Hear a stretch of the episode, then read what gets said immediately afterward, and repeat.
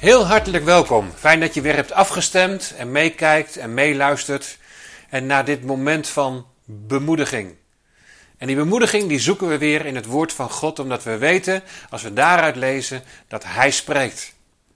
En het is ook mijn gebed dat Hij tot jou zal spreken en je ook op dit moment zal bemoedigen. Net als de vorige keer gaan we weer samen lezen uit het Bijbelboek Rut. En het Bijbelboek Rut is een bijzonder Bijbelboek.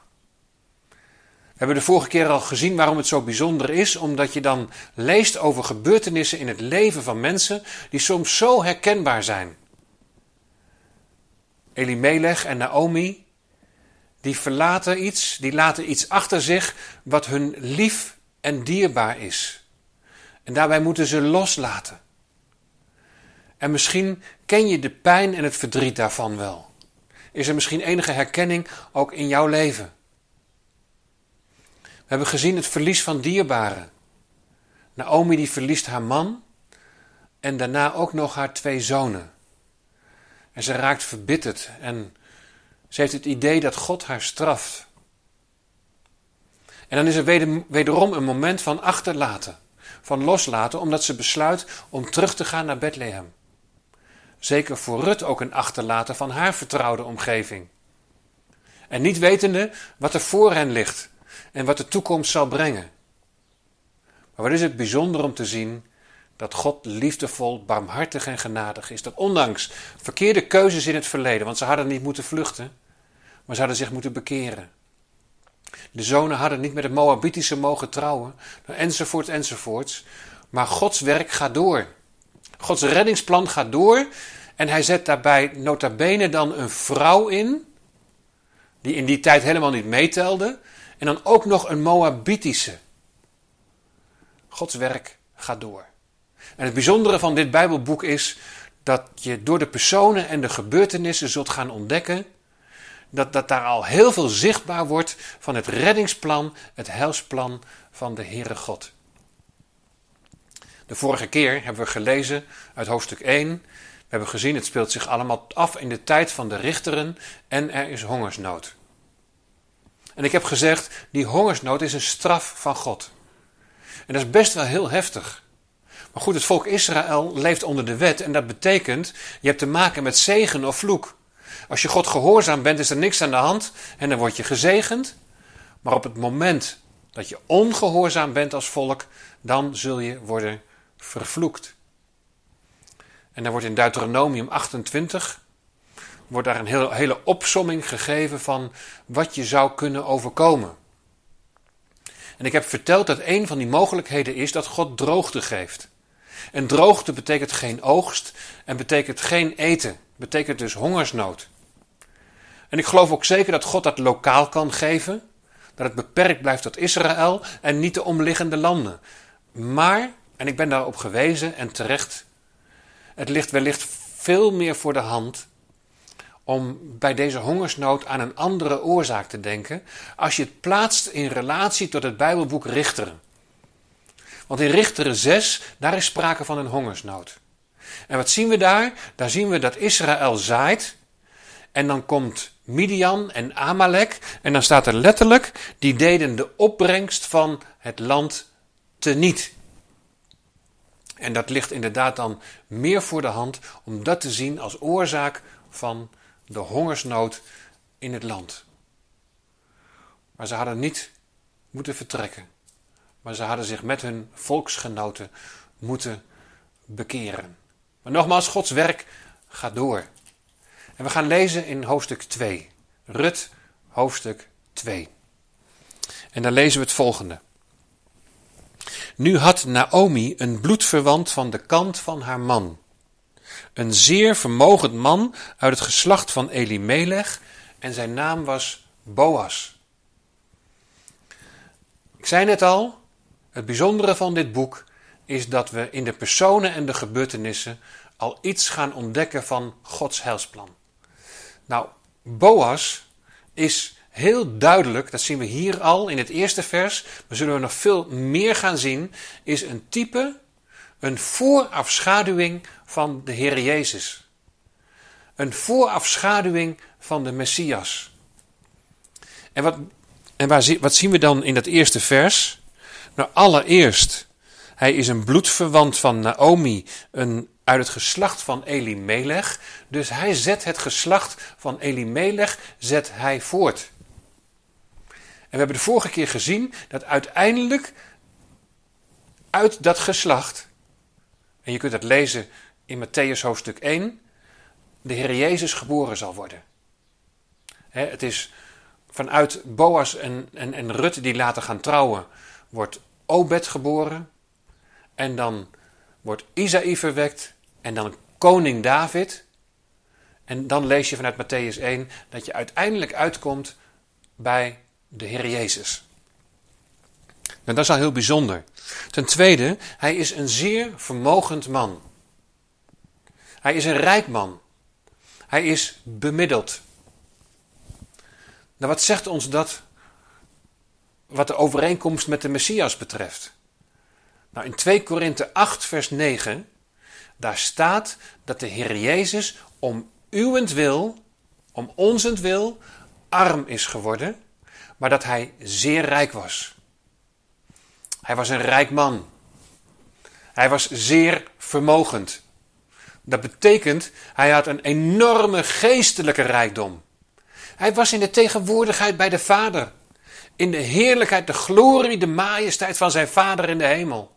En die hemelse heerlijkheid, die heeft hij verlaten om wil, Om jou verlaten is hij naar deze aardse akker gegaan en is arm geworden.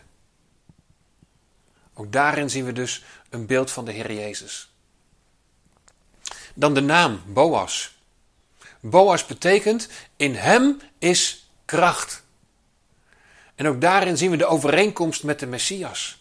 In hem, in de Heer Jezus Christus, is kracht om te redden. In hem is kracht om te verlossen. In hem is kracht om te herstellen. In hem is kracht om te genezen. Toen de Heer Jezus stierf aan het kruis en in het graf werd gelegd, was er in hem de kracht om op te staan uit de dood. En dan komt Rut in al haar gebrokenheid, in al haar armoede, komt ze naar het veld van Boas. En zo mogen wij ook komen in onze armoede, in onze geestelijke armoede, dood in onze overtredingen en zonden, komen naar het veld, naar de akker van Boas. Komen naar de Heer Jezus. Om uit zijn hand genade te ontvangen. Want dat is waar Rut naar op zoek is. Je kunt dat lezen in het tweede vers. Rut de Moabitische zei tegen Naomi: Laat mij toch naar de akker gaan en aren rapen achter hem, in wiens ogen ik genade zal vinden.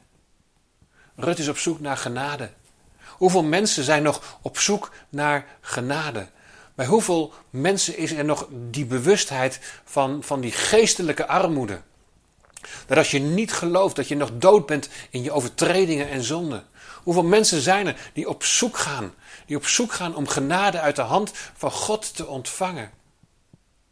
Rut, die gaat op weg. Rut, die gaat op zoek. En dan, dan lezen we ook, daarop ging zij op weg, in vers 3, kwam op de akker, raapte aren achter de maaiers, en het overkwam haar dat zij op een deel van de akker van Bo Boas terechtkwam, die uit het geslacht van Elimelech was. En zie, Boas kwam uit Bethlehem, en die zei tegen de maaiers, de Heere zij met u. En zij zeiden tegen hem, de Heere zegene u. Nou, wat een geweldige werkgever. En daarop zei Boas tegen zijn knecht, die over de maaiers aangesteld was: Wie behoort deze jonge vrouw toe? Boas ziet Rut. We hebben gezegd, Boas is een type van de Heer Jezus. Maar het is geweldig om dan te mogen weten dat God, dat de Heer Jezus jou ziet. Dat Hij jou op het oog heeft. En ik weet dat er heel veel mensen zijn die daarmee worstelen. Misschien wel worstelen met, met zo'n negatief zelfbeeld. Zou God mij dan zien? Zou de Heer Jezus mij dan op het oog hebben? Ja, wie is deze jonge vrouw? Wie is zij? Wie ben jij? De Heer Jezus heeft jou op het oog. Hij ziet jou, hij ziet je omstandigheden. Hij weet wat er in je hart leeft. Hij weet het ook als er pijn en verdriet is. Hij kent je verleden. Hij weet wat je allemaal hebt meegemaakt. Hij heeft jou op het oog.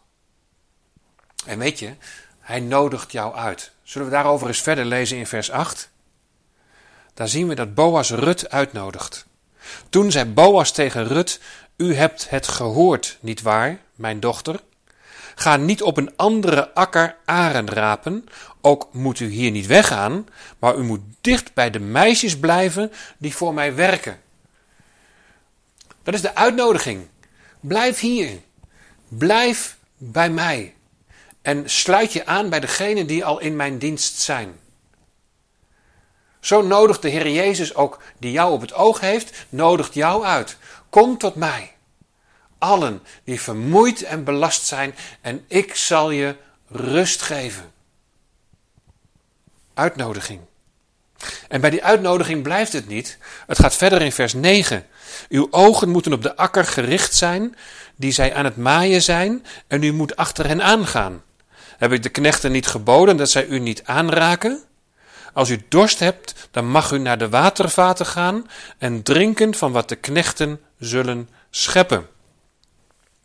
Na de uitnodiging zie ik hier dat Boas bescherming aanbiedt.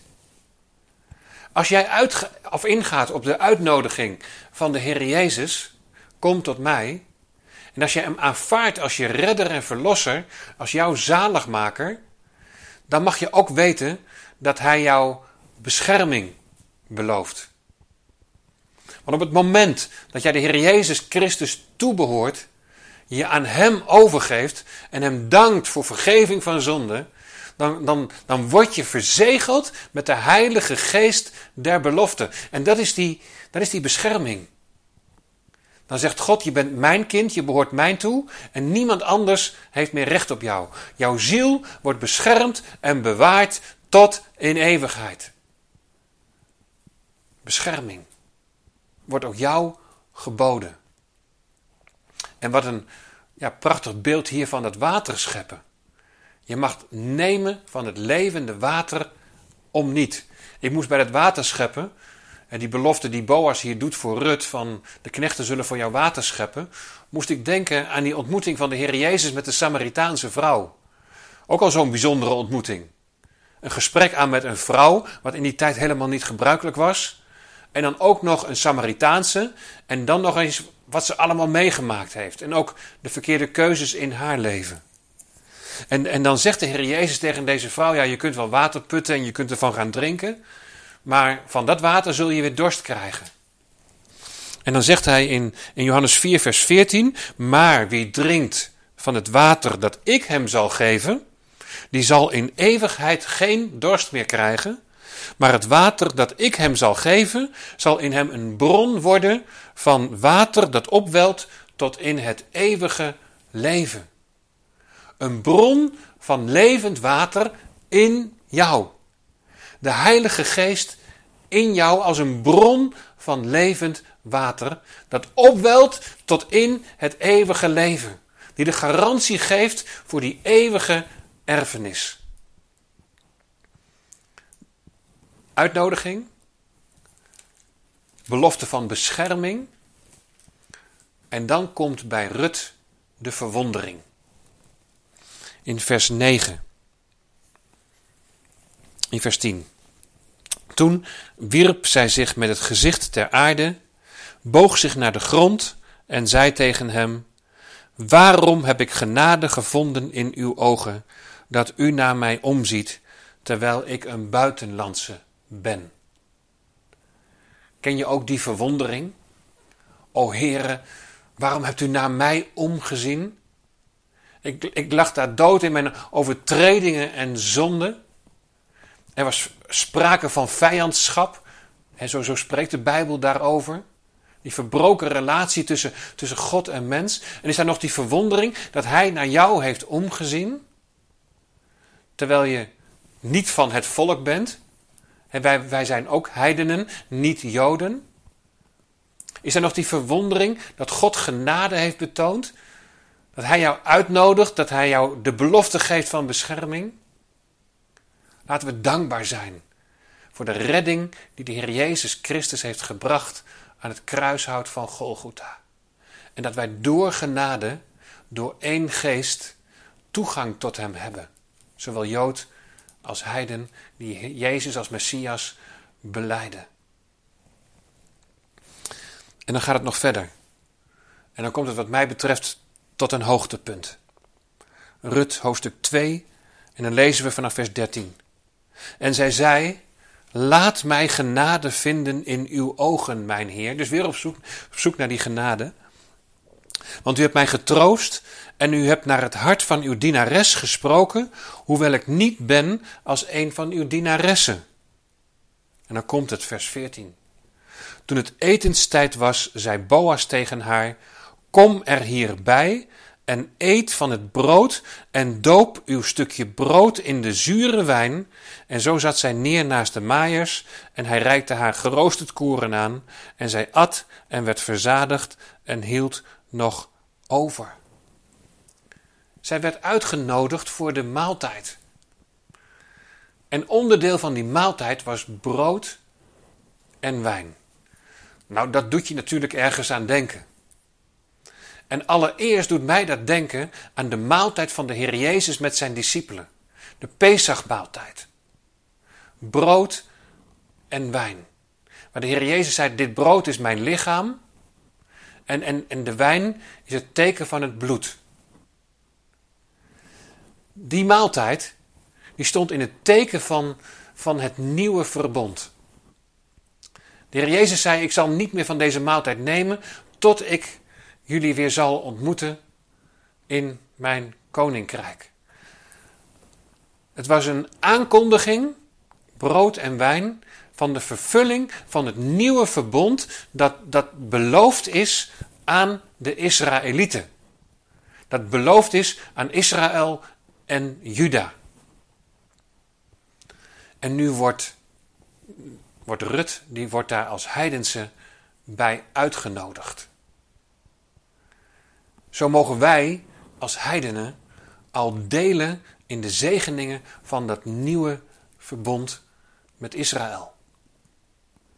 Dat nieuwe verbond dat alleen nu nog maar deels in vervulling is gegaan voor hen die ook zich toewijden en gegeven hebben aan de Heer Jezus Christus en, en pleiten op zijn bloed maar dat straks nog ten volle in vervulling zal gaan voor hen als volk.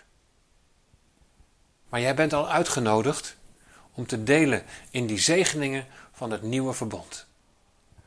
De Heer Jezus Christus toebehorend, die jou uitnodigt, die jou beschermt.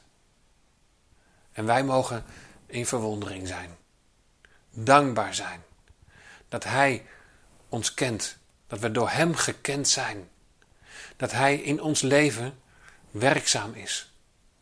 Dat Hij ons wil troosten en beschermen en ons kracht wil geven voor iedere dag. Zullen we samen de Heer gaan danken?